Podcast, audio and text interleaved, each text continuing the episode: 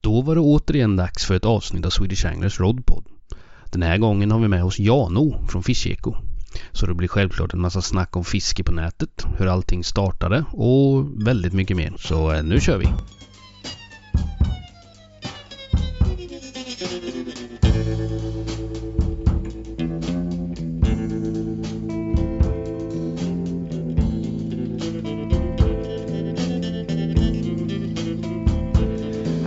Had enough of your bullshit to last me a lifetime. So get out of here. I don't wanna see säger väl egentligen hej och välkommen till, till Jano då. Hur är läget? Det är bra. Det är bra med mig faktiskt. Lite snuvig men det, det, det, Det- går aldrig över på vintrarna för mig. Det är ju egentligen helt perfekt för det är både jag och Tomba också. Så det här blir någon form av eh, förkylningspodd eller något istället då. ja, precis, eller hur? Det är fantastiskt. Prata bästa nässpray. Ja, precis. Vi startar väl upp med egentligen eh, grundidén till Fischeko. Hur kommer Mm. sig det att du startade hela den här grejen? Eh, ja, det var ju 2010, 2010, 2011. Eh, det är några år sedan nu. Eh, jag, har, jag har alltid älskat att skriva, eh, att uttrycka mig liksom i, i skrift och, och sådär. Innan jag startade Fischeko så, eh, så har jag skrivit, jag har skrivit för, för faktiskt tror jag alla tidningar, jag vet inte om det är bra eller dåligt, men alla nuvarande, inte så många kvar, och nedlagda tror jag som vi har haft i vårt land, förutom kanske någon av de här specialtidningarna, vad heter de, Esox, och det har ju du skrivit om Tomba. Jag Ja. tyckte det var så häftigt. Vad heter den? E- Esox. Magasin Esox eller Esox? Ja, Ja. Sportfiskemagasin. De bytte namn lite hipp som happ. Esox kallas den i folkmun i alla fall. Ja, det ska vara, det ska vara någon av dem. Då. Men, men, men, eh, så det, det har liksom alltid funnits i mig en, en vilja att eh, ja, synas i, i, i skrift eller synas. eh, Det är kanske samma mekanismer som driver ibland kanske låter lite sådär fånigt, men konstnärer och liksom man, man vill måla någonting. Och det är egentligen samma sak fast man använder ord, man vill berätta någonting. Och jag, jag har väldigt svårt att skriva om jag inte har någonting att berätta. Eh, och, och när jag väl har det, någonting att berätta så kan jag liksom inte låta bli. Och, så, så att skriva liksom har jag alltid gjort. Och någon där, någonstans där 2008-2009 så Ja, det fanns liksom ingenting på internet förutom forum. Eh, det fanns liksom en lucka. Det fanns ingen som hade riktigt satsat på eh, i första hand då nyhetsförmedling på nätet. Fiskejournalen gjorde lite trevande försök men det var inte deras varken uppgift eller eh, kärnverksamhet utan de skrev och tryckte och fotade eh, på papper. Så att, så att jag vet inte, allting på något sätt eh, stämde vid det tillfället där bortåt 2010 när det hade fått mogna lite grann. Och i den vevan så träffade jag också Eh, eh, Sebastian Wiman från Karlstad som, som blev liksom den andra delen av Fischeko. Nu är tyvärr inte Sebastian kvar längre men vi är väldigt goda vänner och pratar i stort sett varje vecka men, men eh, tillsammans med honom så ja, vi brann lite grann för det här. Och tänk att få bestämma själv vad som ska skrivas, vad som ska publiceras. Och, det är ju skithäftigt och ja, vi, vi gjorde det och så har det bara vuxit. Varför just eh, eko? Alltså, var det du som brann för? Ja, det var det. Det var det absolut. Och är fortfarande. Jag har ju jobbat, till och med haft ett konsultbolag en gång i tiden som bara jobbade med att hjälpa företag att minska sin klimatpåverkan. Eh, jag har projektlett ett tiotal svanenmärkningar runt omkring hos olika företag. Hjälpt dem att nå statusen svanenmärkta, ett antal olika företag. Eh, så att det, det är en gammal det är en gammal passion jag har haft alltid. Jag, jag tror att det syns ganska väl på Fischek och ibland så tänker jag faktiskt att oj, nu har det inte blivit mycket sportfiske här. Nu handlar det mest om allt elände med torsk i Östersjön. eh, korallrev. Eh, ja, jag vet inte, jag, jag har inte brunnit för det. Så att eh, någonstans där så föddes också namnet Fischeko. Eh, ja, minnet kort höll jag på att säga. Det, det, det, växte fram där någonstans. Men, men, men det var min idé och exakt hur jag kom på den, det, det, vet jag inte riktigt. Men jag tyckte det stämde rätt bra för vad, vad jag ville göra. Sportfiskerelaterade nyheter men också med stora inslag av, av eh, eh nyheter som kretsade kring hur framförallt våra vatten och våra hav mår och vad som händer. Eh, hur tycker du vad har hänt på de här nio åren då? Alltså tycker du att det är en ljusning på G eller går det åt fel håll? jag, jag har gjort några sådana här intervjuer förut och jag kanske upprepar mig. Jag, vet, jag, jag har gjort en bland annat med Robbo och tror jag någon med Anton Svetkov och liknande. Men det, jag har sagt varje gång någon ställer frågan att, får inte missförstå mig nu, men det, det, är bra att man är lite naiv och lite entusiast och lite korkad ibland. Därför att, alltså, att, att dra igång något sånt där, om jag hade vetat hur tufft det var från början, då, då hade man varit lite korkad som hade gjort det. Men det är nog tur att man är lite naiv och liknande, för annars skulle ingenting bli gjort. Det, det har varit jättetufft att skapa sig ett levande runt omkring eh, digital sportfiskejournalistik. Vi, vi är ju 100% digitala. Det finns ingenting tryckt förutom faktiskt några, eh, några såna här eh, klistermärken det står Fischeko på. Eh, och, men jag, alltså, det, det, är inte så att jag ångrar någonting men det var jättesvårt att få ekonomi i det här, i det här de första åren. När vi, när vi startade då, 2010-2011 så försökte vi ju få pengar mot, mot, Eh, mot banners och olika former av reklam. Eh, men svaret blev nästan alltid när vi var fräcka nog att föreslå en slant, det var att vi kunde få en rulle, ett spö eller två av dem eh, och lite lina, lina på köpet. Men alltså, fan, vi kan inte äta dem där och det är inte speciellt värdigt att ha en, en affärsverksamhet som innebär att det man drar in hamnar på Blocket och sen i pengar. Så att vi, vi var ganska tuffa, vi var till och med stenhårda eh, med, med att nej, det, även om det, vi kanske inte kom överens om de pengarna som vi vill ha så är det faktiskt pengar som, som ska in för att det här ska funka. Och vi var och är fortfarande väldigt på. Eh, jag tror att vi ganska fort visade att dels att vi kunde göra det här. Eh, under alla de här åren som jag har skrivit och andra tidningar och liksom även eh, ja, varit en del, lite grann, en del av Sportfisk i Sverige. Det har blivit mer under åren men även då så hade jag ju ett kontaktnät. Jag kände många i branschen och, och sådär så att det var väl lite grann räddningen. Jag tror att hade man kommit bara strikt utifrån och sagt att hej vi ska göra vi ska göra Fischecko här och ingen hade vetat vem man var, då hade det varit väldigt, väldigt mycket svårare. Men... Som vi då? Nej, ni, eh, ni har nog ett rykte redan innan ni satte igång med Swedish Angler och ja, det ska ni nog, det får ni vara eh, stolta över. Eh, folk vet vilka ni är. Och, och, men i alla fall, vi, vi, jag tror att vi väldigt fort visade både på stringens som det heter, det vill säga att vi, vi gav inte upp utan vi gjorde det vi sa. Vi levererade 3, 4, 5 upp till 10 nyheter per dag beroende på nyhetsklimatet. Eh, vi gjorde lite analyser, vi, eh, vi gjorde egna turer, eh, liksom rapporterade, bloggade, vi alltså förmedlade vårt eget fiske på olika sätt. Och sen efter ett tag där, nu kommer jag, jag minnas att det var, jag har faktiskt gjort en fusklapp här, eh, magasinet satte vi igång hösten 2011.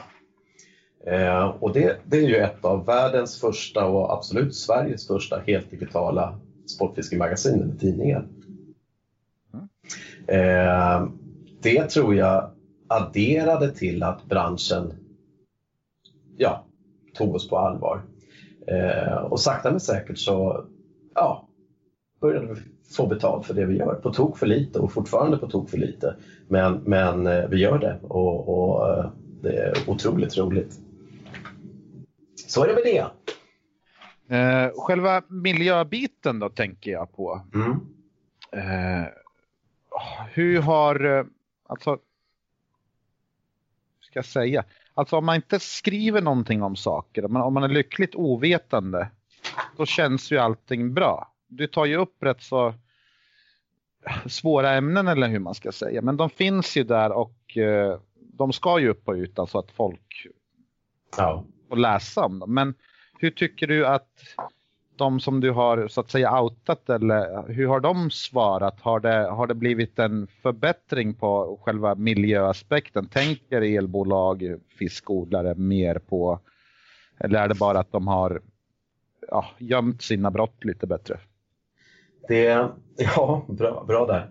Eh, jag tror faktiskt i min enfald att det finns en samlad ganska stor press från oss som sportfiskar och andra former av vänner till, till vattnet och till haven. Eh, allt från eh, Greenpeace, WWF och liknande mot allt vad som heter överfiske, eh, väldigt suspekt laxodling i Norge, eh, problemen med, med tiaminbrist och, och laxdöden i Östersjön. Eh, jag, jag tror, jag vill absolut inte påstå att, att, att Fischeko på något sätt är ensamt eller kan ta på sig någon form av eh, ja, ledarroll i det här. Ledarrollen tror jag snarare, vilket vi inte ser tillräckligt mycket av tyvärr för att mycket sker bakom lyckta dörrar, det är ju det arbete som Sportfiskarna, organisationen Sportfiskarna lägger ner.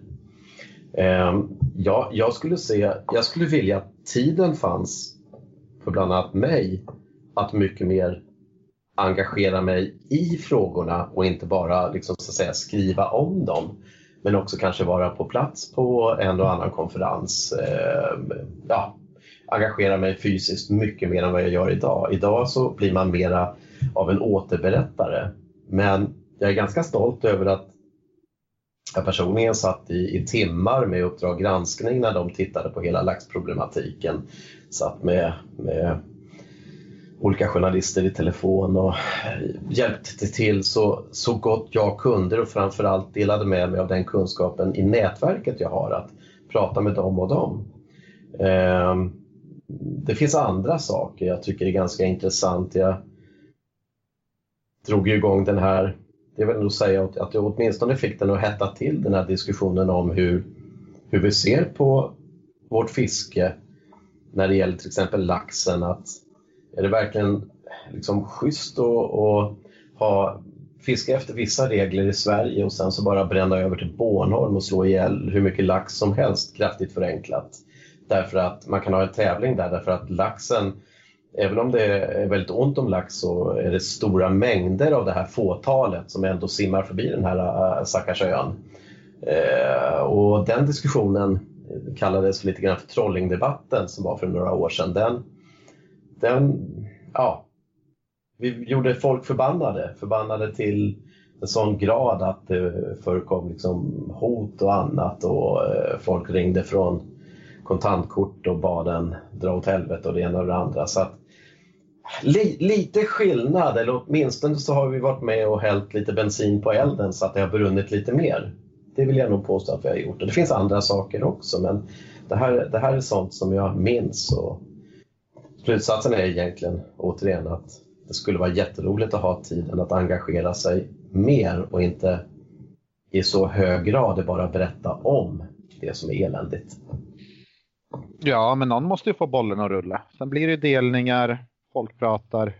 Ja, ja. ja, ja det är det som är både bra och dåligt med internet. Att det, det är ju som ett verktyg för både fake news och riktiga nyheter. Och så. Ja, ja, det krävs mycket, mycket mer av, av, av läsare idag. Liksom att att eh, faktiskt sätta på sig sitt eget nätfilter och titta på vad, vad sjutton är som står här och är det rätt och rimligt det, det blir allt viktigare. Jo, men samtidigt har ju vi byggt ett namn, Fischeko, källa Fischeko. Det måste ju ändå vara ett relativt troligt, eh, eller hur man ska säga, en bra källa. Ja, ja, för Det är inte Kalle från Bålänge som har skrivit det. Utan... Nej, vi, vi har gjort våra misstag. Eh, absolut. Eh, det, det, är väldigt lätt att göra det. Eh, att eh, faktiskt vara eh, med och driva både teser och annat som inte stämmer. Men det är, precis som du också sa, avigsidan av internet lite grann. Det är så mycket information och det går så fort. Så att eh, ibland så brister även vi till exempel i, i eh, källkontroll och källkritik. Men på det hela taget så är jag faktiskt ganska nöjd. Jag tycker, jag tycker, vi, jag tycker vi har gjort det här ganska bra. Eh, och Det jag också brukar säga runt omkring det här med eh, hur det skulle ha kunnat vara kanske. Vi, vi är ju vi är ett så litet land. Vi, har, vi är ju liksom 10 miljoner människor och kanske en och en halv sportfiskare. Så att allt vi producerar, då menar jag inte bara fiskar utan bloggare och, och, skribenter och fotografer inom sportfisket. Det är så jäkla bra. Det står sig så jäkla bra internationellt men vi har så väldigt liten publik. Det är lite synd. Mm. Så det är, vi skulle kanske fötts som eh, engelsktalande. Då, då, då tror jag att vi hade slagit igenom med den kompetens som faktiskt finns i Sverige på ett helt annat sätt. Mm. Worldwide. Ja, det stämmer nog. Mm. Fast det är ju... Jag tror nog att de flesta länder blickar ändå lite på Sverige och försöker få ett litet hum för att vi, vi har ju som ett gott rykte i alla fall att svenskarna kan man väl lita på. Hoppas det. Hoppas det. Jag vet att vi är omtyckta i Tyskland i alla fall, i ryggen av guider, både som skickliga sportfiskare och att vi är väldigt måna om fisken och sådana saker. Så att eh, eh, det är positivt, absolut. Mm. Jag kommer ihåg det med, men eh, var det, vi gjorde någon intervju med, vad heter han, Martin Bowler.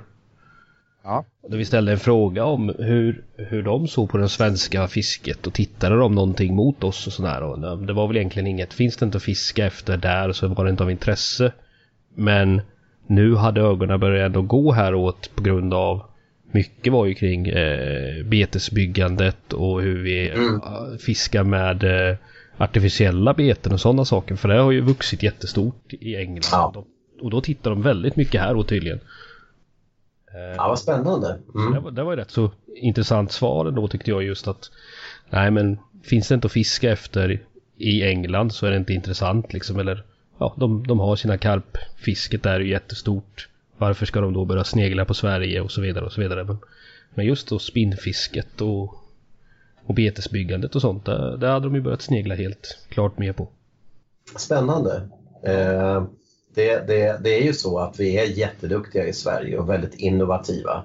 Det ja, höjdpunkten för mig att gå på Sportfiskemässan det är ju att träffa alla de här sköna betesbyggarnördarna. Jag är lika nördig själv. Jag går ju bara och dreglar och, och så köper jag några beten som jag inte borde ha köpt för jag har inte råd men det blir några för mycket varje gång. Eh, och så får man liksom hänga och, och, med de här killarna och kolla på det som eh, ja, eh, Wolf Creek gör, Mangiboy, Jensa, eh, eh, hela sköna ligan från Karlstad, Exet och nej, de är helt, helt otroligt duktiga, det måste jag säga. Det där kan ni faktiskt bättre än mig. Vad, vad roligt att engelsmännen tycker att vi är bra. Det, det var roliga nyheter. Ja, nej men det, det är kul med att det är lite synd då att de inte bryr sig minst om metet vad vi pysslar med men om man bortser från det så, så är det ändå roligt att de tittar åt det här hållet lite mer när det kommer till sportfisket rent generellt. Då. Ja. Det är mycket det där man har på tapeten. Alltså om man kollar med svenska glasögon på engelsk mete till exempel så får man ibland nästan lite ångest att fan vad länge de håller fisken uppe på land för posering och, och sånt där. Eftersom i Sverige så har vi en debatt som rasar att ja, egentligen ska du inte fiska alls för då kan du ju skada fisken. Men ska du fiska då ska, då ska ju fisken upp, klicka en bild, väga och sen ner fort som satan. Mm. Eh, så att vi är nästan lite extrema på ett positivt sätt på det där med just tid uppe på land och sånt där som kanske engelsmännen inte på samma sätt är. Jag vet inte om mm. hur det skadar fisken eller om det skadar fisken överhuvudtaget. Men vi är väldigt, väldigt måna om just sådana bitar. Men ja, ja alltså jag, jag, tror att det finns någonting att lära även från mindre länder. Bara för att bara för att vi är kanske 2000 som metar eller vad vi nu kan vara så behöver det inte betyda att vi inte kommer på schyssta grejer för det. Nej, nej. nej ja, det, det, det, jag, det jag säger, jag var i Spanien här och fiskade i eh, november. Jag var där och fiskade abborre och bäs. Och när jag berättar om så att säga, de, de, de vatten, antal vatten vi har, hur många kubikmiljoner liter liksom vi har och, och fiska på så blir de ju, alltså sötvatten, så blir de ju helt ställda. Liksom. Eh, tusen och åter tusentals sjöar med, med i stort sett alla arter du, du kan tänka dig. Sen blir de kanske inte alltid störst, men vi har liksom möjligheten att bli sportfiskare på ett helt annat sätt än ute i det mycket mer reglerade Europa. Det tycker jag är rätt häftigt. Ja, det finns så fan inte en stad eller någonting i Sverige som har längre än 10 kilometer till vatten. Jag tror inte det. Nej, nej. Och titta på hur många städer som har, som har vattnet mitt i stan.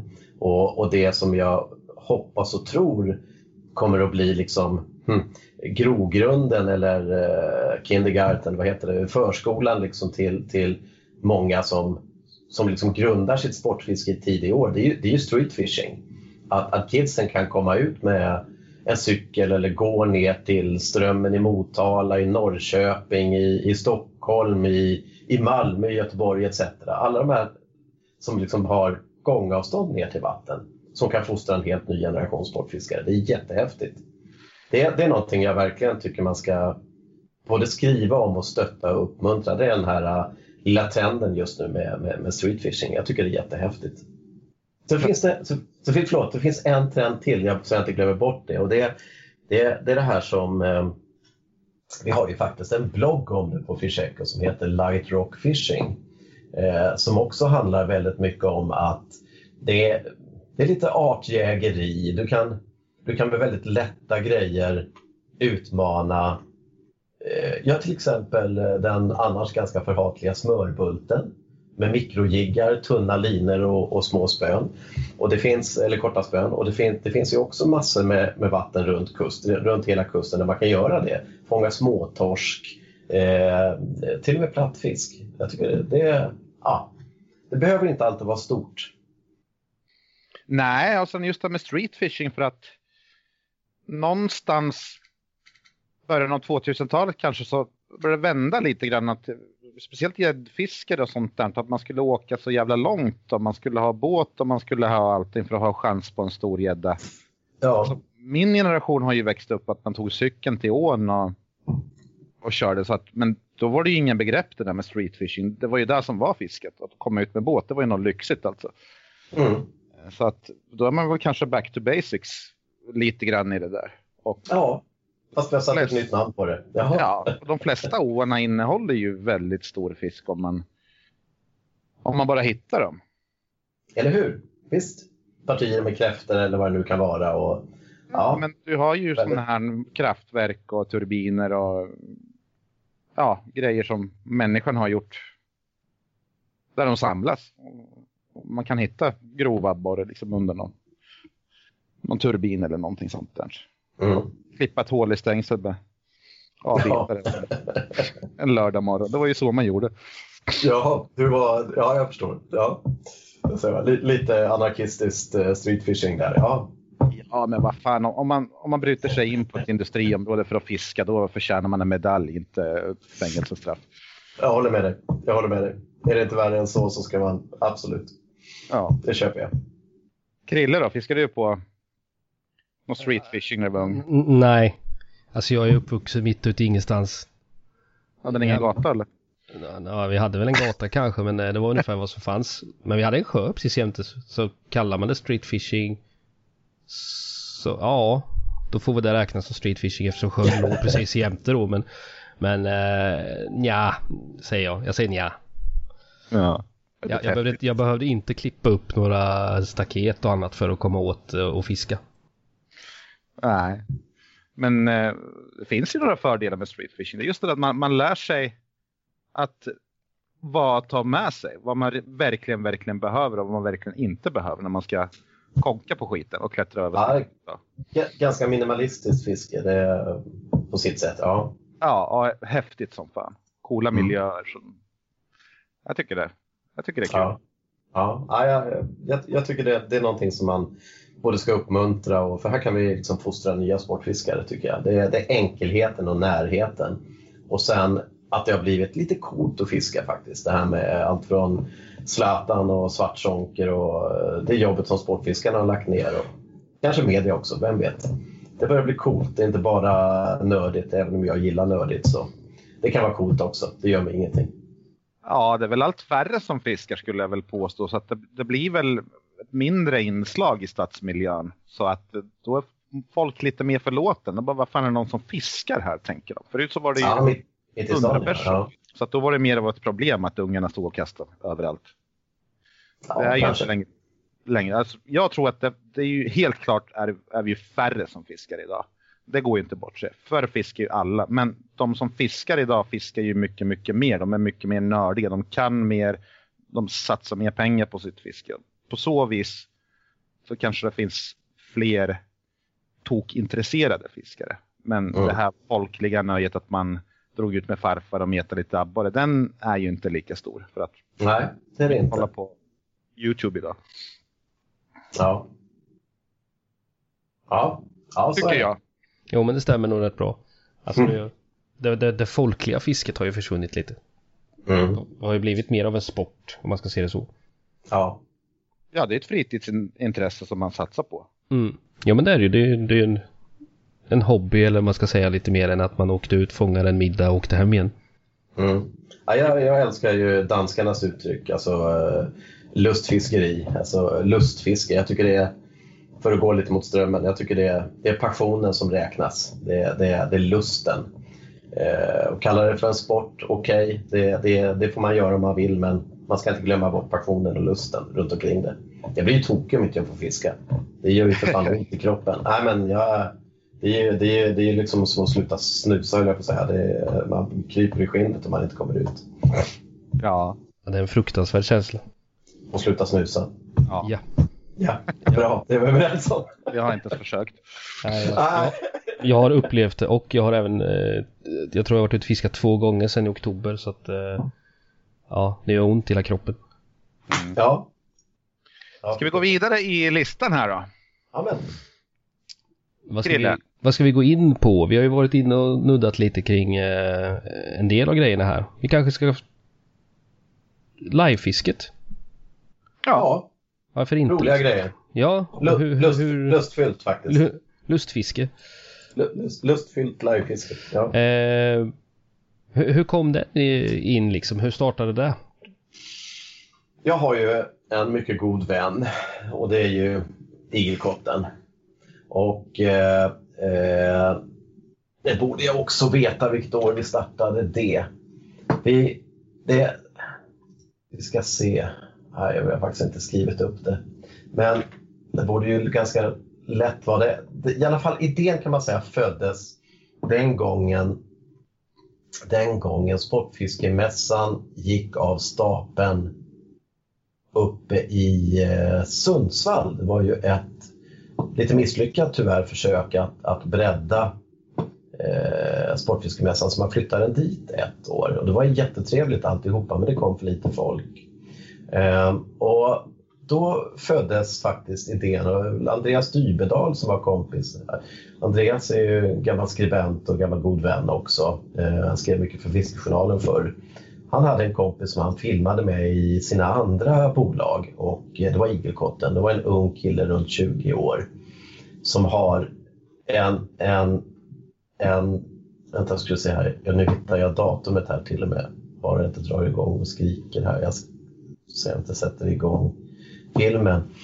Vi gjorde, eh, 2011 var det, 2011 gjorde vi våra första livesändningar och vi tog i alla fall upp eh, Igelkotten, Erik Hasso som han heter, till, till Sundsvall. För vi kom på eh, första dagen på mässan att vi måste filma. Det är ingen som filmar här uppe. Det var inte vanligt då.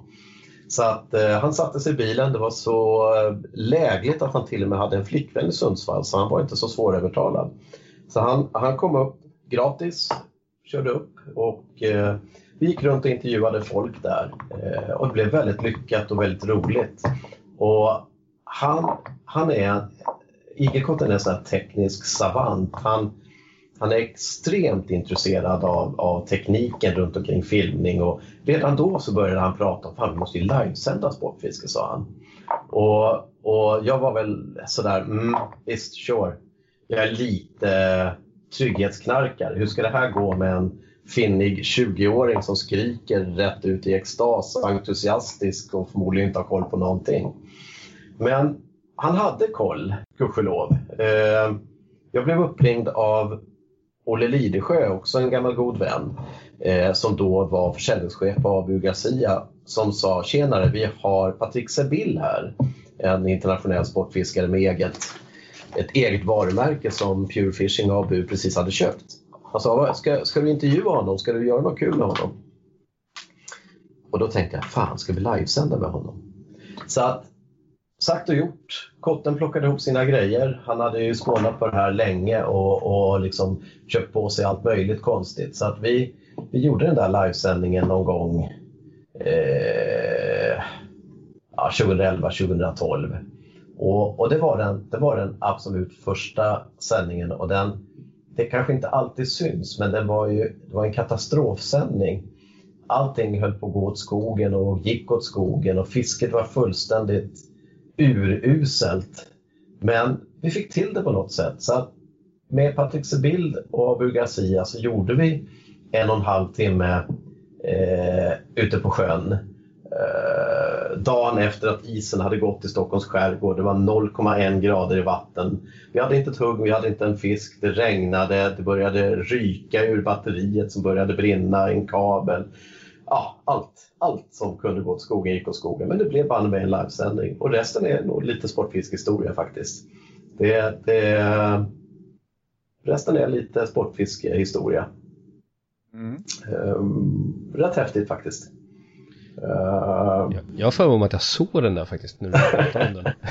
ja. helt ja. jag, jag, tycker jag känner igen hela den här grejen med. Ja. Det var lite ja, kaosartat och annat. Ja visst, visst var det det. Eh, och sen så liksom, ja, bara har det snubblat på. Vi har ju fiskat med ja, nästan alla de riktigt stora profilerna. Allt från Svartsonker, eh, Buster, eh, Trumman, Bauer, allt vad det nu kan vara. Eh, och vi har fiskat med lite mindre kända och, och eh, ja, det har varit en jäkla kul grej. Det, det, det, det är nog det kanske som har varit absolut roligast under, under de här åren. Det är att ha gjort det här liksom och var, ja, det, det, är ren njutning varje gång. Det är jättekul. Även om det inte går bra så har vi haft jätteroligt. Det, det är kul att arbeta med det här. Och det, fan, vi, vi har ju det drygt 200 000 på de bästa och vi har väl ett gäng mellan, mellan 60, 70 upp till 100 000 visningar på, på, på avsnitten och 4,3-4,4 miljoner visningar totalt på kanalen. Och jag menar, vi är ju exklusivt svenska, eller åtminstone nordiska, så det får vi vara väldigt nöjda med. Jag, jag är jättenöjd med det. Mm, ja. ja, jag har nog fan sett de flesta tror jag. Det kan vara så. Och det, det vore ju fantastiskt. Jag vore väldigt stolt om det var så att vi var faktiskt först i världen med att göra det, åtminstone på Youtube. Jag, jag vet inte, men, men eh, det, det, det, kan vara så. Det vore lite kul. Jag får grotta i det när jag blir pensionär. Ja, Nej, det är otroligt bra, bra jobbat faktiskt. Eh, nytt koncept.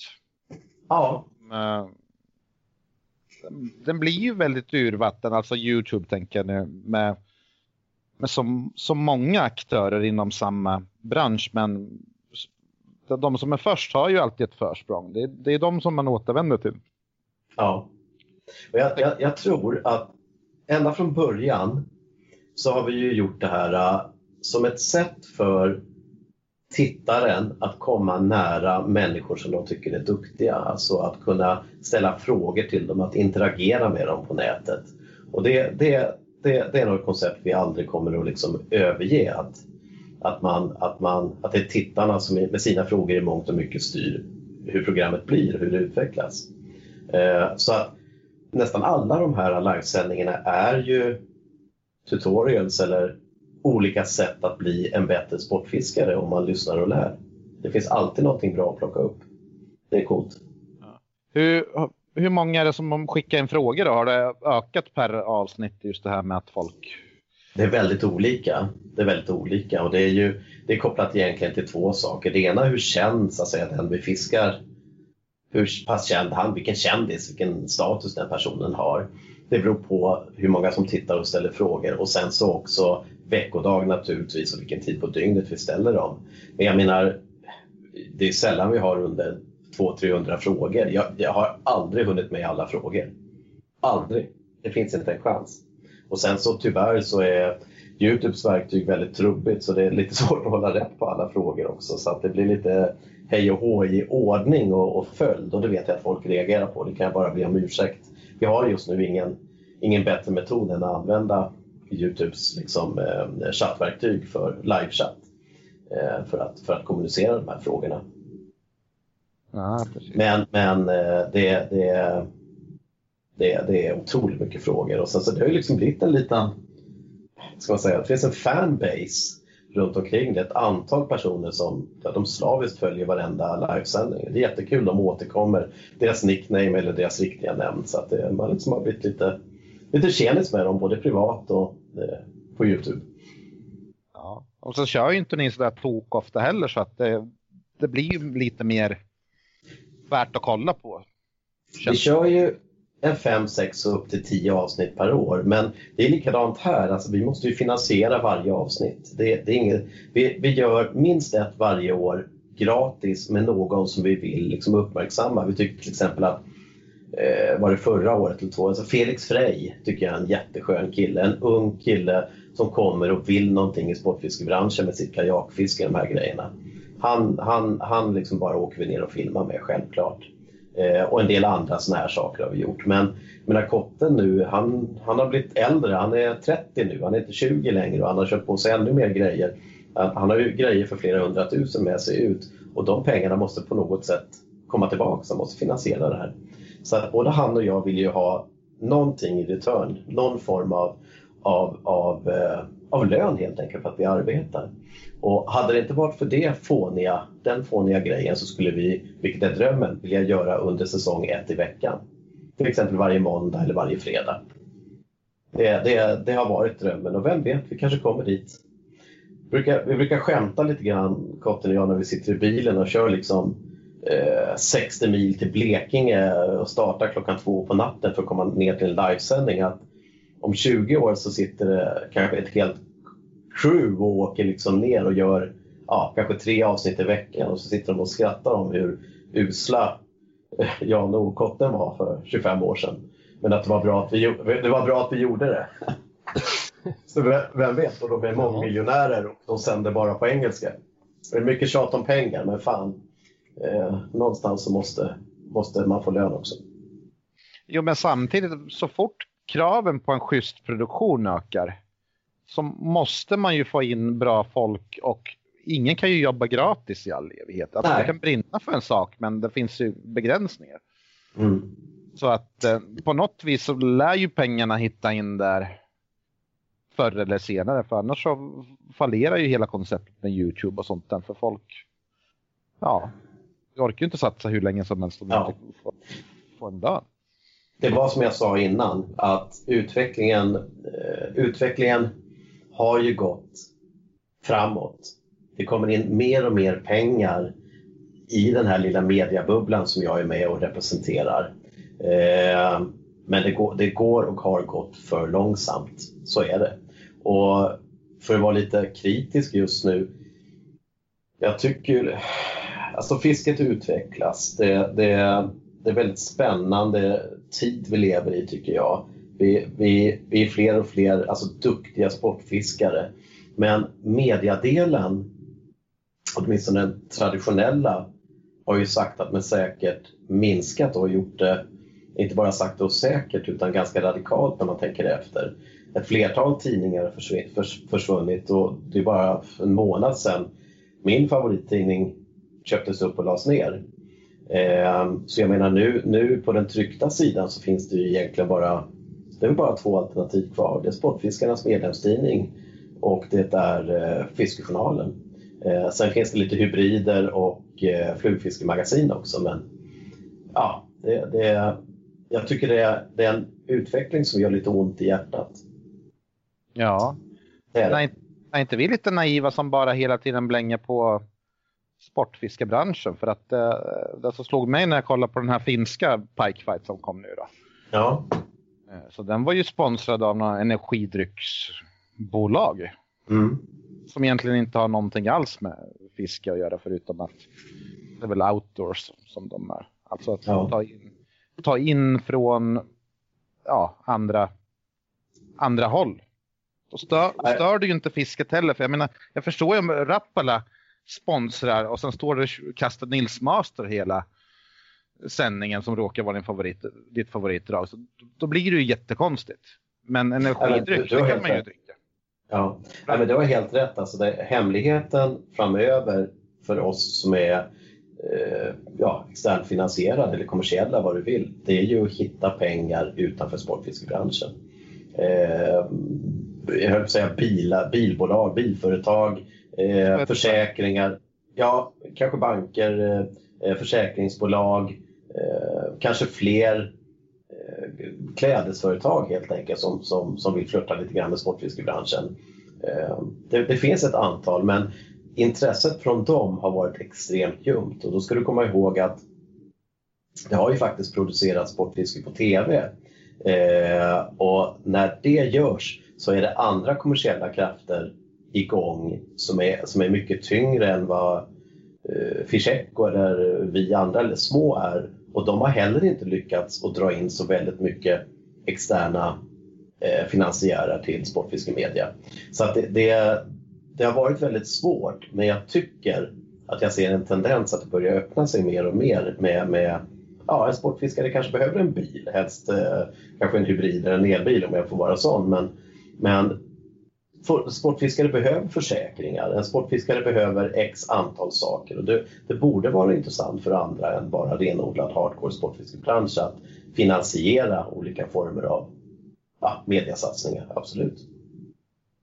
Jo, och sen den reklamen stör ju inte helhetsintrycket på samma sätt som just sportfiskereklam gör. Nej, och nej. nej. Det kan störa mig jättemycket om jag läser en artikel som jag vet att den här killen jobbar för säg Westin eller någonting. You name it. Ja, ja. En ja, tidning och sen, sen står det att ja, nu kopplar jag på en, ett sånt och sånt drag eller gig eller någonting. Och då tänker man liksom, jag har betalat för det här. Ska jag behöva läsa reklamen också i en artikel? Mm. Alltså reklamen ska ju ligga bredvid artikeln på något vis. Och eh, ja, ja. den biten, nej den känns inte okej. Okay. Nej, vi är där ibland också. Det är, tyvärr är det nödvändigt. Eh, Eh, bara man, jag tycker bara man är tydlig att den här personen är kopplad till ett sportfiskeföretag. Då, då, då har man åtminstone så att säga gjort vad man kan. Och sen får konsumenten försöka sålla, precis som i en livesändning som faktiskt också innehåller en hel del reklam. Att även om, om eh, representanten som vi fiskar med, eller han är knuten som representant till ett varumärke, så får ni se bortom det och ändå titta på hur han tänker och hur han attackerar fiskesituationer. Och sen får ni stå ut med att han är knuten till Abu Garcia, Westin eller Rappala eller vad det nu kan vara. Mm. Tyvärr är vi där. Tyvärr. Det, så enkelt är det. det jag, jag är knappt en enda duktig person som inte är sponsrad längre och det har gått fort. Jäklar vad fort det har gått. Det är ju priset man får betala alltså. Annars så får man ju ingen sändning. Nej, så enkelt är det. Mm. Men där, där finns det ju olika sätt att göra det på som du sa. Jag menar, man behöver inte Absolut. stå och uh, flasha med, med allting hela tiden och säga att det här är och sen varumärket och sen hela tiden. Jag tänker om man jämför med en livesändning från Fish Eco kontra uh, en uh, reklamfilm från något företag i England som kan fläska på något så fruktansvärt med reklam i sina filmer så man kan, man kan ju inte titta på dem till slut liksom. Nej, Nej, jänkarna är likadana faktiskt. Det, ja. det, det, jag, jag, tycker vi är milt drabbade än så länge. Tänker du på sportsändningar och sånt där, då säger de bara programmet är presenterat av kexchoklad. That's it. Mm. Sen har du inte en sekund med kexchoklad. Nej. Så att du får ju väldigt för, för många, Ja, men du får ju väldigt många minuter om du står med en Rappala-tröja, en livesändning. Då får du ju ja, så många timmar Absolut. reklam som Så att eh, man, man får ju väldigt mycket för pengarna. Så man tycker ju att de borde vara lite mer intresserade av att få synas. Och Ja. kunna betala för det. För det, är ju, Ja. det är ju där de lever på. Mm. Eh, Kexchoklad på två sekunder, du får åtta timmar och det kostar en bråkdel. Ja. Ja, Men vi du är på väg. Du kan, du kan bli sugen på kexchoklad. ja, men Ja. det är man ju alltid. Ja, ja, det är sant. Eller hur? Färgerna. Ja. Nej, vi är Ja. på väg dit. Det är mycket som är positivt. Absolut. Ja. Nästa på listan då, Krille. Ja, jag tänker vi, vi var inne och pratade lite kring artiklar och tidningar och hela den här biten. Eh, och även eh, magasinet. Mm. Men eh, läsare. Lite kring, Mm. kring det. Hur många du har och, och sånt. där. Går det att mäta eller hur, hur ser det ut för dig?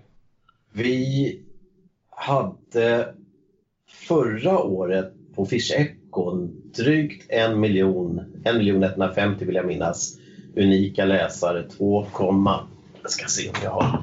Jag gjorde ju en fusklapp. Det kanske finns med här, vi ska se. Eh, då. Nej, det fanns det inte. Jag har för mig att det var 1 150 000 unika besökare på Ficheco.se. 2,5 miljoner besökare totalt sett.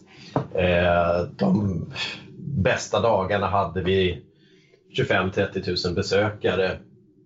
När det var sådana här extremt bra nyheter och lite grann som går viralt, då, då, då händer det grejer. Annars så ligger vi på 5, 6, 7, upp till 10 000 besökare per dag. När, när, det gäller, när det gäller magasinet så den har jag här. Den faktiskt ligger uppe hela av andra anledningar på min dator och sitter och tittar. De allra, nu ska vi se här, statistics all time. De allra bästa de allra bästa magasinen nu blev det bara på en månad. men Det kan ju vara lite kul. De allra bästa magasinen Nej, nu, nu, fick jag, nu fick jag all time här har haft 160-170 000 visningar och pendlar mellan, alltså läsarmässigt, man, det är inte riktigt som vanliga tidningar, mellan 25 och upp till 40 000 läsare. Eh, och vi har gjort nu totalt då 42 stycken nummer. Det har, det har, jäklar, det har gått undan. 42 nummer. Ja, det var inte dåligt. Nej, det, det pendlar ju mellan de här men det som är så roligt med digitala magasin det är ju att de hamnar aldrig i en papperspåse på vinden eller i återvinningen utan de finns här, de är sökbara, de läs, alltså ett fem år gammalt magasin kan läsa, det kan ha 500 läsare en dag liksom för att någonting har poppat upp. Mm. Någon har delat en länk eller vi har delat en länk och gjort någon påminnelse eller här grejer. Så att, och det sista magasinet som vi släppte för ganska prick en månad sedan har, det är lite kul, det gick väldigt bra. Det har 22 000 läsare och 75 000 visningar. Det är inte fy skam, det, det var ett bra nummer. Eh, På en, på en månad. Folk gillar prylar. ehm, och folk gillar udda artiklar. Eh, jag vet att eh, lite nördartiklar faktiskt. Eh, eh, såna här saker som eh, att hova en fisk. Eh, jag vet inte, det, det triggar igång folk. Det gillar de att läsa om. Eh, mycket tester. Test, ja. Eh, och naturligtvis också hur på nätet så spelar det ju väldigt stor roll hur man sätter ingresser och vad man har för rubriker. Eh, och gör man dem lite roliga och lite intressanta så ja, hjälper ju det till faktiskt. Men, men sen är det också väldigt mycket, folk är väldigt intresserade av, av eh, spön, rullar och beten helt enkelt. Mm. Det, det, det tycker de är jätteintressant. Och självklart, men det blir, det blir mer sällan unika reportage runt omkring unika fiskar. De fiskarna har en tendens att så fort de är fångade hamna på nätet på andra sätt. Och när väl en tidning eller en digital tidning kommer ut så är de liksom redan sönderältade. Ett svenskt rekord eller vad det nu kan vara. Eh, men, men eh, förr i tiden så var det ju liksom väldigt såna här speciella händelser och man kunde hålla på det. Det, det kunde, det kunde dra ordentligt. Ja, för jag minns för Fiske för alla hade ju en gång i tiden för länge sedan att fick man svenskt rekord på gädda och höll eller gav FFA eh, reportaget då. Ja, exklusivitet. Ja, då fick man 10, 10 papp tror jag det var på den tiden. Det var snålt. Ja, men 10 papp är 10 papp. Jo, jo, Det är visst. en, hel- en helg på krogen. Ja, jag, jag, jag hade avstått två månadslöner och gett dem 20. Inget snack. Nej, men skämt åsido. Eh, kvalitet, alltså content is king är ju en gammal... Om det, om det är bra artiklar så, så drar de. Det, så enkelt är det, för att vara väldigt generell. Men, men produkter också. Folk är väldigt intresserade. Och jag ser att ofta att eh, betesbyggargrejer, det, det, det klickar gärna folk på. Tittar både på bilder och är intresserade av beten. Det låter rent spon- spontant att det är yngre människor som läser. Alltså, Jag har inte demografi för magasinet, men visst absolut. Visst är det så. men betesbyggning, uddartiklar, fiskhantering, åsikter, Mm. prylar. Det låter ju som att det är inte Torsten 87 som läser utan att Nej, det är det inte. Det är Vante det. 15 istället. Så, Men om man tänker på, vi- vi ställde ju någon liknande fråga till eh, när vi hade med Mattias från Fiskejournalen ju. Mm. Om eh, vad deras läsare ville ha. Då var det ju mycket så här hur, hur man gör och eh, sådana artiklar. Eh, Mm. och, in, och inte så mycket kanske stories eller fiskehistoria eller berättelseartikel. Nej, Hur, hur, hur ser det ut där hos dig liksom? Nej jag, jag håller med honom, absolut. Eh, visst, det som jag sa, liksom, att det, det, det är precis det jag har, eh, har i bakhuvudet, just den här artikeln om konsten att hova en gädda. Eh, den är både, artikeln är både lite rolig men den är också instruktions... Eh, en tutorial som det heter. Det, det är absolut, folk vill, vill läsa mycket mer om sådana saker än om en exotisk berättelse om ja, eh, någonting fantastiskt eh, konstig stor fisk i ett saltvatten långt borta från oss. Absolut. Mm. Han har rätt. var det inte du som delade den här, det var någon som skrev en blogg ifall det var okej att fronta en fisk eller inte? Kanske två Jo, månader. jag, känner, jag känner igen någonting sånt. Ja, är Jag har, varit jag har varit inblandad i det i alla fall och det är skitroligt. ja, Och, och jäklar vad det sånt där engagerar. ja precis. Det var dit jag ville komma. Ja, det, det är ju verkligen som att hälla bensin på eld för att släcka den. Eller ja, du vet. Eh, släcka eld med bensin, det går inget bra. Eh, Nej. Det är ett underbart ämne. Allting som rör saker och ting som är lite känsliga och som kan gå fel, catch and release, eh, frontning etc. Allting som gör att man kan ifrågasätta varandra eller att man, allting som kan tyda på ah, fel i den mänskliga eh, naturen har ju en förmåga att engagera. Det, är ju, det kanske är igenkänning, att man själv har varit där, man själv vill göra rätt, kanske inte alltid gör, gjort rätt. Eh, jag tycker det är väldigt intressant den här debatten med, med just med, att- med att fronta fiskar. Eh, jag, jag har själv en bild på mig själv med en, en gös som kanske väger 2,5-3 kilo. Den bilden tycker jag själv att den ser ut att väga 7. Jag, jag, eh, jag är helt fascinerad över hur duktiga inom citationstecken folk är på att bedöma andra fiskars vikt, längd, storlek, det ena och det andra. För jag kan inte göra det. Jag, eh, jag, jag är lite rädd för att vi är väldigt elaka mot varandra när det gäller sådana här saker. Eh, fördömanden och om framhållningar och sådana här saker, det, det, det visslar liksom eh, så fort det dyker upp en bild som där folk har eh, ja, sträckt lite, lite grann ut underarmarna. Eh, jag tycker inte det är riktigt schysst faktiskt i hela den Nej, jag hörde, jag hörde från Finland här att det var någon fisk som folk hade, ja, inte ringt in men skrivit och ifrågasatt vikten på för att den var extremt ofrontad den fisken och då kunde den ju inte väga så mycket. Att det har ju, det har ju liksom gått åt lite fel håll där. De hade glömt hur en naturlig fisk ser ut. Ja, Jo, men håller du en 12 kilos gädda nära in på kroppen och, och sen är du 1,90 lång eller någonting sånt där, Mm. lite, alltså då, då behöver du inte se så där extremt jävla stor ut. Nej, nej.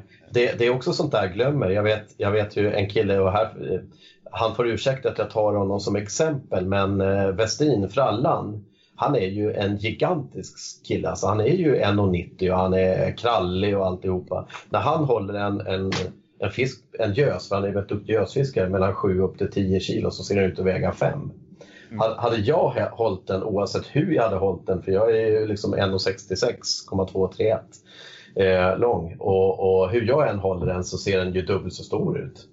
Eh, folk tar inte hänsyn till att det är så många andra faktorer som, som spelar in när en bild är tagen och hur den presenteras. Liksom. Det, det, ja. Nej men ja, det, är, det är väldigt naturligt att om, om jag fångar en stor gädda eller asp eller vad som helst och sen tar polaren 20 kort på den där. Och sen ska jag ha den på någon blogg eller på någon sida eller någonting. Varför skulle jag välja just den bilden den ser allra minst ut? Nej, det tycker jag vore synd. ja, för att man kollar väl kanske på bilderna men där ser den ju faktiskt jävligt stor ut.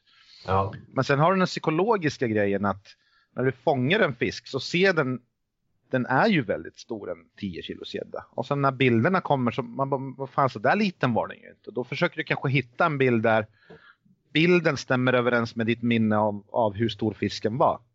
Så mm. att det, det är egentligen en väldigt naturlig reaktion att man gör så. Ja, bra där. Bra sagt. Mm. Det tror jag. Mm. Ja, ja. Nej, men det, jag tycker vi kan vara lite mer förlåtande när det gäller faktiskt hur sådana där saker. Det är inte hela världen hur man håller om man håller fram en fisk eller inte. Och, och eh, ja. Kritiken kan vara lite elak. Man ska vara lite snällare. Ja. Det handlar ju om tillit alltså. Ja, rent generellt bara. Var lite snällare så brukar det lösa sig. Ja. Det tycker jag. Det tycker jag. Eh, vad har vi härnäst då? Eh, metets vi... roll i Fish Eco kanske? Mm. Eller har du... säga det. Vi har inte varit inne och snuddat på metet speciellt mycket så det är ju det är läge för det nu. Ja, nej, men jag frågar er grabbar, hur sjutton får jag in mer mete i allt jag gör? Berätta för mig. Ni får ta den bollen. Hur, hur, jag, är, jag är djupt besviken. Nej, jag skojar. Men, eh, eh mer mete, absolut. Jag, jag eh, vet inte vem det var jag pratade med häromdagen. Jo, men det var Joel, Joel Abrahamsson. Vi pratade just då lite mete och såna här grejer. Och, och, och kommer ihåg eh, Ale Broman och, och eh, alltså hela hur media var helt nersmetad förr i tiden med mete, stora sutar, vimmor, karpar, alltihopa. Eh, och det, det blir mindre och mindre. Ja, ja, så, ja. så är det ju. Så är det ju. Ja. Det, det, jag tycker det är synd. Det är jättetråkigt, absolut. Men eh, jag vet inte vad, vad man ska göra heller för att, att få folk att skriva om sitt meta heller. Fler livesändningar Vem vet? Det, vi har aldrig gjort en metes livesändning. Det borde vi göra. Den, den, den kan ju bli bra och den kan ju bli ganska långtråkig. Mm. På vad man väljer att göra för någonting. Ja. Blir det ofta färna eller någon actionfisk som... Ja, ja precis. Hade man kört färna pass eller något liknande då hade, då hade det ju varit lite mer förhoppningsvis mer än att man kanske kör två dygn i, en, i ett svårt karpvatten där det inte händer någonting.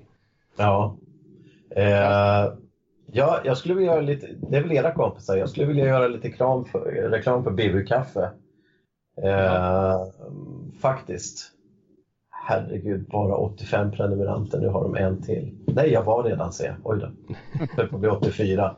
Jag tycker de har eh, grymma små filmer, just det här med, jag tänker på Färna och någon av deras sista Färna-filmer var ju jättegrymma. Ja, de är helgrymma de där grabbarna. Mm. Fina kläder har de också. Va? Fina kläder har de. Okej. Okay. Antar att det betyder något. Swedish Ja, ja. ja men, de, men det är ju det är mer sånt som behövs tror jag. Det måste bli ja. synligt på något sätt. Liksom. Det, det, har ju fått en stämpel av att det ska vara eh, konstigt och svårt och eh, jag vet inte. Kufigt blir det lite. Det kanske är lite kufigt i och för sig, jag vet inte. Ja, men det har väl andra, alltså när jag har pratat lite med ja, branschfolk kan man väl säga.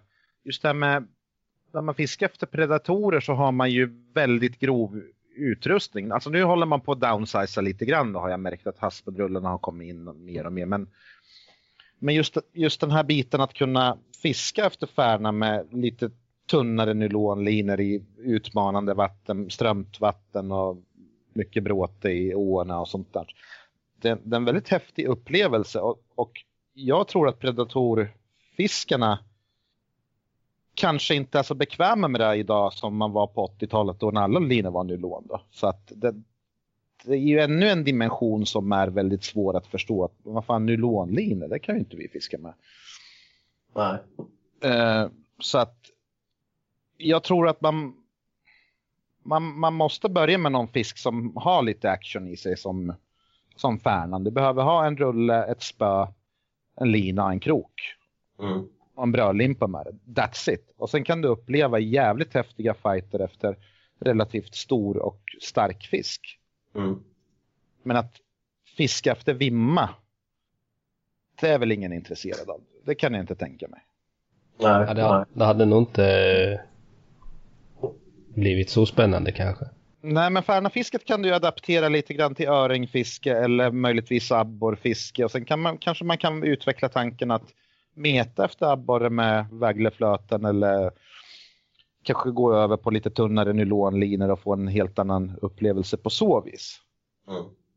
Det är, det är någonstans där vi behöver mötas. Vi kan inte ta en gäddfiskare som aldrig har fiskat efter karpfiske, känner inte igen karpfiskarna och säga att men nu ska vi skiva skivetippa efter björkna. Alltså, det är klart som fan det är inte är intressant. Ja, ni som kan det här lite grann. Jag vet ju att i, i Tyskland så finns det ju, alltså är ju, är ju metet, eller stora delar av Europa till och med, är ju metet fortfarande jättestort. Har, är, det, är det jättestort och minskande eller ökade? det? Det är ju liksom lite grann intressant. Och i så fall, var, varför håller det fortfarande stången så pass hårt? För, för det har ju varit väldigt stort i Sverige och det är det inte längre. Alltså, det är väl en sanning med modifikation om det har varit stort i Sverige. Den fick ju extremt stor mediainflytande för att det var så pass nytt och hett. Och här kommer det massa coola människor med mustasch och nålar i hatten och kunde fiska, få stora fiskar på beställning och sånt där. Så att, Mm. de var väldigt unga och väldigt drivna till att skriva artiklar. De fick stort inflytande i tidningarna kan jag tänka mig. Så att det verkade som att det var extremt jättestort. Men det kanske men det- bara det- rörde det sig om fanns ju- tusen Jo, men, ja, det, jag vet inte hur många, men om man bara eh, bred på lite mer. Om du tittade på de gamla sportfiskeklubbarna hade ju egna meterligor. Eh, Specimenfisket var ju jättestort faktiskt jämfört med nu. Så, att, så att jag tror inte att det bara var en mediahås eller en mediagrej. Eh, utan alltså de facto så fanns det ju en, en ganska stor kår av metare. Eh, men jag menar, då, och du hade olika tävlingsgrenar också med det har i och för sig fortfarande med traditionellt och modernt mete och såna här saker. Men jag, jag, jag, det, det känns ju ändå som att det, det var en ganska stor grej. Det kan ju aldrig, aldrig ha mätat, liksom, kunnat hävda sig mot gädd eller abborrfisket men ganska stor måste det ändå ha varit. Ja, alltså, det, var väl, det var väl hett kan man säga. Men jag tror inte metet någonsin har varit stort i Sverige. Om man nu tar specimen-metet. Visst, när man blir matad med det här hela tiden så är det väl en och annan som testar och det kanske såldes lite prylar och sånt där och folk var intresserade. Men, men, men det, det var nog aldrig så där extremt som trendigt att meta. Det, det var väl de här kufarna som nu som då. Ja, du, du kanske har rätt. Ja, ja. Men kan det inte vara lite så med att vi, vi idag är vi väldigt här, eh, mer vad ska jag säga, specialiserade. Ja, men man kör sina gädda och abborre eller man kör sin gös eller man kör där. På den tiden så kanske man körde mycket bredare också. Att, eh, under den eh, tiden så var det mer mete var mer var bättre passat för årstiden och så vidare och så vidare. Att man liksom hade ett rullande schema på året på ett annat sätt än vad man har idag. Idag är det all in på gädda under våren och sen så kanske man fiskar lite abborre på sommaren och sen kör man gädda all in på hösten och sen är det liksom inget mer. Mm. Ja, men sen är det här alltså fördelen med mete är ju att du lär dig mycket om alltså bytesdjur till predatorer. Det är ju ingen slump att de, de inte de flesta, men väldigt många av de här stora kända jätteduktiga gäddfiskarna är gamla metare eftersom de kan ju läsa av vatten på ett annat sätt och vet lite kring bytesdjur och sånt där. finns ju jättemycket folk idag som får en björkna och inte vet vad det är för fisk ens en gång. Eller en särlevette. Mm. Ja, ja visst. Så är det ju med. Alltså man hade ju... Man har ju en, en annan koll på... På helheten. Jo, men vet Ja, du vart mörtarna finns så vet du väl vart gäddorna finns. Ja. Men vet du inte vart mörtarna finns då som gäddfiskare, då blir det att du slänger lite i blind och sådär. Ja, ja. Så att eh, även fast man kanske inte är tokintresserad av mete så är det ju en väldigt bra grund även för predatorsnubbarna att eh, de yngre att forska lite kring ämnet och kunna liksom, ta den biten med sig till sitt gäddfiske. ja. ja. Men för att... Stort blir. Nej, det tror jag inte heller. Men för Ah, att ja. Jag, jag, frågan lägg, jag, lite. lägg, jag lägger bollen hos er. Ja, men, men om man går tillbaka till frågan lite då, metets roll eller så, hur man ska få in mer mete.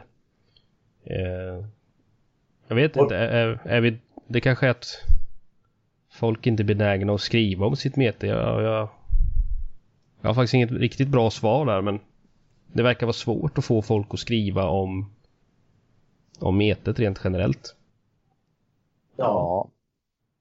Sen är det nog den här att de flesta metarna som man känner är ju lite äldre. De är ju 30 plus och sådär, 25 plus i alla fall.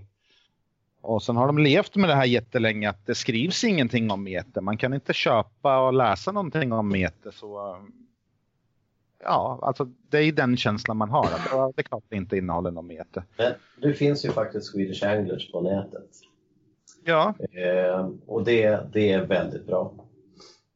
Jo, men intresset finns ju där. Det, det ser man ju på våran sida. Folk är ju intresserade som är i den här kretsen och slänger upp en fråga där att är det någon som är intresserad av att skriva för Fishek och så, så är det säkert någon som nappar. Ja. Man kan testa. i alla fall. ja. Det är, det är ingen som har skickat in någon eh, artikel till det sådär rent spontant, någon mete Det, kontakt med det och så sagt att jag kan skriva en metaartikel. ja, det skulle vara du då. Ja, bort, bortsett från, bortsett från jag. Eh, det har hänt, men det är väldigt, väldigt sällsynt. I nio fall av tio när det, när det kommer sådana propåer så är det någon form av predatorartikel. Eh, alternativt någon form av unikt fiske eller någon som har varit på fiskat marlin eller ja, något sånt här lite mer udda grejer. Ja, men inget, inget så inhem, inhemskt. Nej, väldigt, Udda fiske eller något liknande. väldigt, väldigt lite. Vi har haft några, några artiklar, bland annat från Karlstad, och, och, men, men eh, det, det, det är väldigt sällsynt. Sen är det just Det att man ska ju skriva för metarna, inte om mete för folk som inte metar för att då, då blir ofta artiklarna så jävla dåliga att varken metarna eller de som inte metar vill läsa dem. Jag tror du har rätt. Det ska ju vara Jag tror att du har helt en rätt. häftig artikel. Liksom. Mm. Bra artikel är en bra artikel, så spelar det ingen roll vad den handlar om. Nej. Det är nog då man kan vinna över folk som metar det och, och, och ge dem att, en, en läsning som, som de som redan metar gillar att läsa. För jag tror det är där de saknar många liksom. Det finns inget Mm. vettigt att läsa. Nej. Jag köper det direkt. Jag menar man behöver inte höra för fjortonde gången hur man flötmetar eller sutare för det har man läst ganska många gånger för ungefär den artikeln man brukar få en gång om året någonstans i någon nu finns det inte så många tidningar att köpa längre tyvärr men det är oftast något sånt som rullar förbi många gånger. Ja. Nej, men du är lite grann tillbaka där med, jag pratar om det här med lusten. Att man, det är den man måste elda på. Eh, lusten att göra någonting, att, att fiska helt enkelt. Om det så är meta eller att, att, att väcka liksom den lilla björnen i, i folk. Ja, alltså det, man, man måste få få in någon form av känsla i det eller någon, eh, någonting som triggar igång folk som gör att man återvänder och läser igen liksom. Ja. Än att man hör det här, jaha nu kom det en sån så här gör du. Mm. Det, det, det, det, är inte så att det kommer så många utvecklande artiklar om eh, förändringen i hur lyftmetoder fungerar. Vi, vi är ganska en, enspåriga där liksom. Det blir samma artikel om och om, om igen. Ja. Folk glömmer väldigt ofta att mete, det är ju, det är ju alltså ett fiskesätt, en fiskeform. Det handlar ju inte om att meta efter specifika fiskar utan det är ju precis som spinnfiske eller nätfiske eller vad fan som helst så, så är det ju en form av fiske. Du kan ju lika gärna meta en gös eller en gädda eller en marlin eller you name it. Absolut. Så Absolut.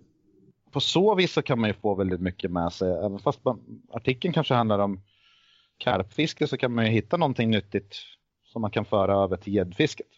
Mm. Om, om man nu läser med gäddglasögonen på. Ja, det är rätt. Helt rätt. köper jag direkt. Mm. Vi får hjälpas åt. Gä- Gäddglasögon. Ja. Gäddskorna då. Ja. Nej, klockrent. Men eh, minnesvärda artiklar då? Har du någon artikel som, som sticker ut som ja, en topp tre-lista eller någonting sånt där då? Som jag skrivit själv. Nej, som har varit med i magasinet. Eh, ja, ja, ja, absolut. Eh, Sebastian Wiman han fångade den här ismetade, ismetade, metad, ismetade öringen på över 9 kilo. Eh, sen gick han ju och fick en lake som också blev en helt fantastisk lustfylld artikel på... Åh, vad vägde den? Åtta. Sju, sju, åtta någonstans. där. Ja. Alltså det, det, och historien runt omkring det, det, det jag älskar dem. Eh, jag älskar dem. Sen var jag delaktig, vi skrev någon artikel ihop som, som jag också har ett väldigt gott minne av och som var väldigt läst. Det var kanske ett av de första försöken att vertikala Kanadaröding som vi gjorde för ett antal år sedan. Det, det, det var ett jätteprojekt. Alltså vi planerade och det var dyrt kan jag berätta. Liksom vi la ner egna pengar på att åka iväg och verkligen göra det här. Och, och vi lyckades. Det var inget strålande resultat men återigen för att komma tillbaka till lusten. Vi planerade, vi genomförde, vi lyckades och vi hade en underbar upplevelse. Det var, inte, det var inga stora fiskar men liksom, ja, vi, vi, gjorde, vi gjorde som vi hade tänkt och vi lyckades. Det, det, det var en riktigt häftig artikel. Eh, sen finns det, det, finns, det finns massor med, med, med kul och spännande grejer runt omkring. Eh, jag tycker vi totalt sett har flera bra artiklar om eh, lite mer spetsartiklar runt omkring hur man ska attackera gösfisket på vintern. Eh, det, finns, det finns en artikel som jag också var delaktig i som handlade om det här fantastiska fisket vi hade i Rügen 2012 när vi fick Ja, bara i min båt så hade vi 6 över 10 på fyra dagar. Eh, den största fisken som kom upp på den resan vägde 15 och 3, 15 och 4 som togs av Johnny Torfelt. Helt fantastisk fisk. Eh, eh, ja, för att komma in på Johnny Torfelt så hans artikel är ju otroligt välläst. Eh, den heter Är du redo för en 15-plussare? Det, det gillar jag, det är provokativt. Är du redo för det? Den är bra är den. Eller hur? Eh, och, och, och liksom, Johnny Torfelt är ju för mig väldigt mycket essensen av modernt intelligent gäddfiske. Karn, Karn gör allt från att studera, gå in på Google och kolla vatten liksom, eh, eh, till att han sitter och söker information på Länsstyrelsen om eh, sammansättningen av predatorfisk kontra betesfisk. Finns det lake? Finns det sik? Finns det brax i den här sjön? Och sen så gör han en analys, han gör en satsning och Karl, Karl kommer tillbaks med en riktigt stor gädda var och varannan gång. Nu överdriver jag lite men han är otroligt intelligent i sitt, i sitt gäddfiske. Vi har flera sådana duktiga killar som, som, som scoutar sina egna vatten och, och, och, och, och verkligen lyckas. Liksom lite, lite sportfiskemagiker. Och flera sådana artiklar. Liksom jag, där kommer lusten. Jag blir, jag blir glad när jag, när jag tänker på dem. Och, det, de, de, har Och, nördi, och nördigheten. och nördigheten som jag älskar. Den Jag måste man älskar. Det är, jag menar, nördigheten är det bästa. Liksom. Det, är- det, är- det är som min fru bara skriker ibland. Du har ju inga vänner som inte fiskar. Oj då, säger jag. Hur gick det till? Hur blev det så? Men det är sant. Ja. Ja, det, det, ja, det, är- det är lite av de här artiklarna. Sen, det, det finns massor. Och jag tänker, jag är så lyckligt lottad därför att vi, vi har extremt svårt att betala för artiklar. Vi, vi har ändå på något sätt lyckats attrahera duktiga människor att skriva för oss. Och det, det, det i, all, i all svensk ödmjukhet måste ju innebära att vi har gjort någonting rätt. Absolut. Jag tror det. Jag tror det. När vi får killar som, som Joel Abrahamsson eller som Johnny Torfelt eller vem det nu kan vara att, att faktiskt dela med sig av sitt sportfiske utan att för den delen promota ett varumärke eller vad det nu kan vara. och göra det eh, till i stort sett, eh, för i stort sett ingenting eller ingenting, då, då, då, då måste vi ändå ha gjort någonting rätt om de vill synas hos oss. Och det är jag väldigt, väldigt stolt över. Ja, men så är det ju. Det är ju det är, det är väldigt bra skribenter som är med liksom. Ja, vi, vi är otroligt lyckade på det sättet. Sen så har ju jag och Sebastian då eh, producerat under de här åren eh, väldigt, väldigt mycket själv. Och eh, nu, nu är det ju bara jag som pratar men Fischecco och magasinet hade inte funnits och varit etablerat på det här sättet utan Sebastian Pimans eh, fantastiska insats under de här åren. Om du lyssnar Sebastian, puss och kram som vanligt. Mitt hjärta slår för dig, du är otroligt duktig. En bildbehandlare och eh, ordbehandlare av rang. Så är det. Så är det med det. Ja. Det är roligt Visst att du tar upp just de här grejerna med eh, magiken där som eh, letar efter vattnen och så. För det där känner man så väl igen från metet för det är väl exakt så väldigt många metare går till. Jag sitter ju och Mm. nördar mig och läser alla möjliga konstiga eh, rapporter och kartor och grejer och försöker hitta sjöar och alltså på internet vintertid. Det är extremt roligt tycker jag. Du, du är en sån här som att du hittar, ja nu är det 19 år sedan de satte ut tre karpar i den där pölen. Ja, fan det börjar bli läge. Ja, men du har ju de här prov, prov, provfiske, vad kallas det för protokollen som... Ja, Från Länsstyrelsen där. Ja, precis. Mm. Kan Det är bra skit ja, följa lite. Fick, vi fick fem mörtar och de var 35 centimeter styck. Och då tänker man att ja, vad fan, då ska de ju väga si och så mycket. Ja. Då svävar man iväg snabbt. ja, men resultatet av en lyckad fångst blir ju tiodubbel. Alltså det är ingen slumpfisk du fångar. nej. Du nej. hade ju aldrig varit där ifall du inte hade läst de här grejerna. Du hade ju aldrig kunnat fått fisken ifall du inte hade lagt hjärta själ för att liksom gå all in och försöka få den där. Och det är ju metets eh, skärm lite grann. Mm. Att inga slumpfiskar tack, utan alla fiskar ska på något vis förtjänas ja, på grund av att man har gjort någonting rätt. Mm. Vilket givetvis inte är sant, men man vill ju gärna få det till det i alla fall. Ja, Man ja. hoppas på det. Sett Ja. över tiden. Sett över tiden. Så är det. Ja men, man, men lite så är det ju. Man, man måste ju måste ju lägga tiden också. Man kan inte bara åka och hoppas på det bästa. Nej, nej. Nej, så är det ju. Och sen tiderna förändras ju. Några vatten som kanske var jätteheta på 80-talet har ju fallit i glömska. Sen har ju ingen tänkt på, på sjön eller ån på jättelänge och fisken har fått växa till sig igen. Och, alltså, det lönar sig att gå tillbaks. bakåt. Absolut, 100 procent. Eh, Det är ganska roligt att du nämner det där. Just, eh, det är precis så. Eh, Jag har ju mycket erfarenhet av, av, av gössjöar och de går, och även abborrsjöar, de går i cykler. Det är klart att fiske kan påverka och det ena och det andra, men de går i, de går i cykler. Så att man ska inte döma ut ett vatten som har hänt för 12-15 år sedan. Nej, för det har ju varit hett av en, en anledning. För att det, Exakt. fiskarna kan ju växa till sig stora. Det finns förutsättningar. Sen kan Ja. man ju rubba balansen genom att ha tusen människor som fiskar efter fiskarna. Men förr eller senare så borde den ju återhämta sig något sånär i alla fall. Ja, så är det. Ja, Så är det med det. Yes! Jag måste nämna en minnesvärd artikel. Gör så. ju, eh, jag ska se så att det ljuger här. Var det Marcus Nyman som skrev en om mörten? Ja, Det var också tidigt, 2013, det, det, 14 kanske något. Jag kommer inte ihåg exakt där. Men den, eh, det är en sån där eh, artikel som, den har man läst några gånger nu alltså. ja. Den är också, den är också riktigt bra.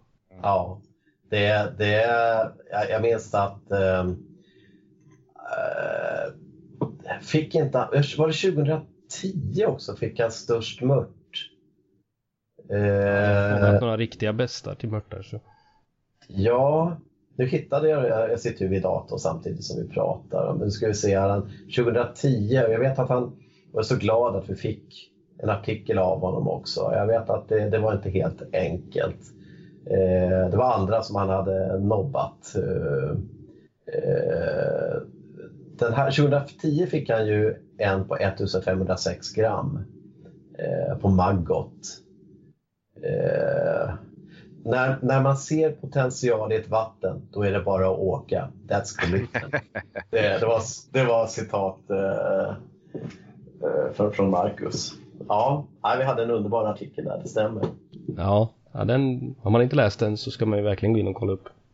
Jag ska plocka fram den och, och, och lägga ut den och promota den lite grann här. Vad bra. Lägg ut den på våran sida så får... Jag tror jag har länkat den. Ja, Ja, men det gör vi. Vi gör det igen. Upprepning är kunskapens moder.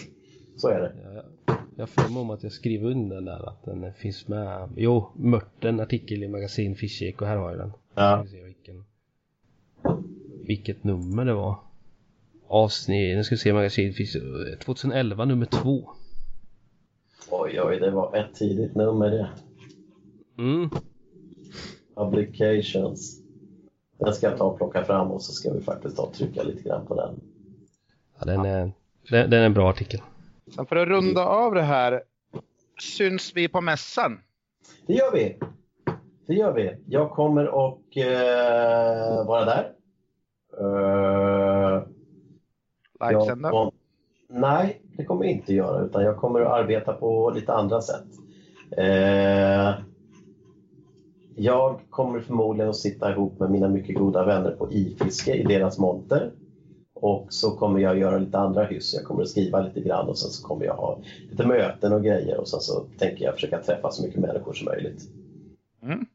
Så kommer jag förbi och hänger hos er också, om jag får. Ja. Ja, det är klart. Bra, Du är välkommen. jag gläder mig. Vi, vi, vi är där och sniffar eller annat konstigt.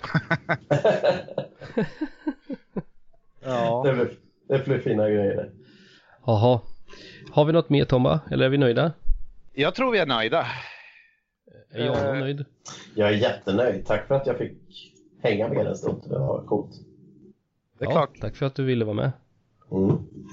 Sen tycker jag att folk ska gå in och läsa mycket mer på Swedish Angler faktiskt. Det, jag tycker ni är jättehäftiga som har gjort den satsningen. Bra gjort.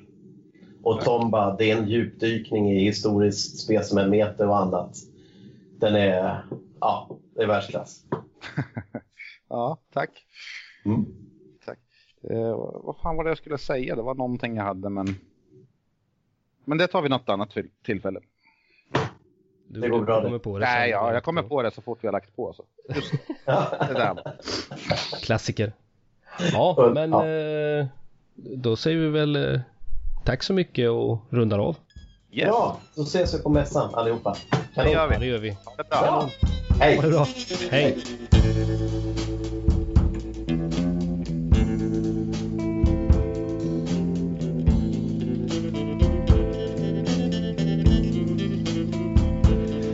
had enough of your bullshit to last me a lifetime. So get out of here. I don't wanna see you around.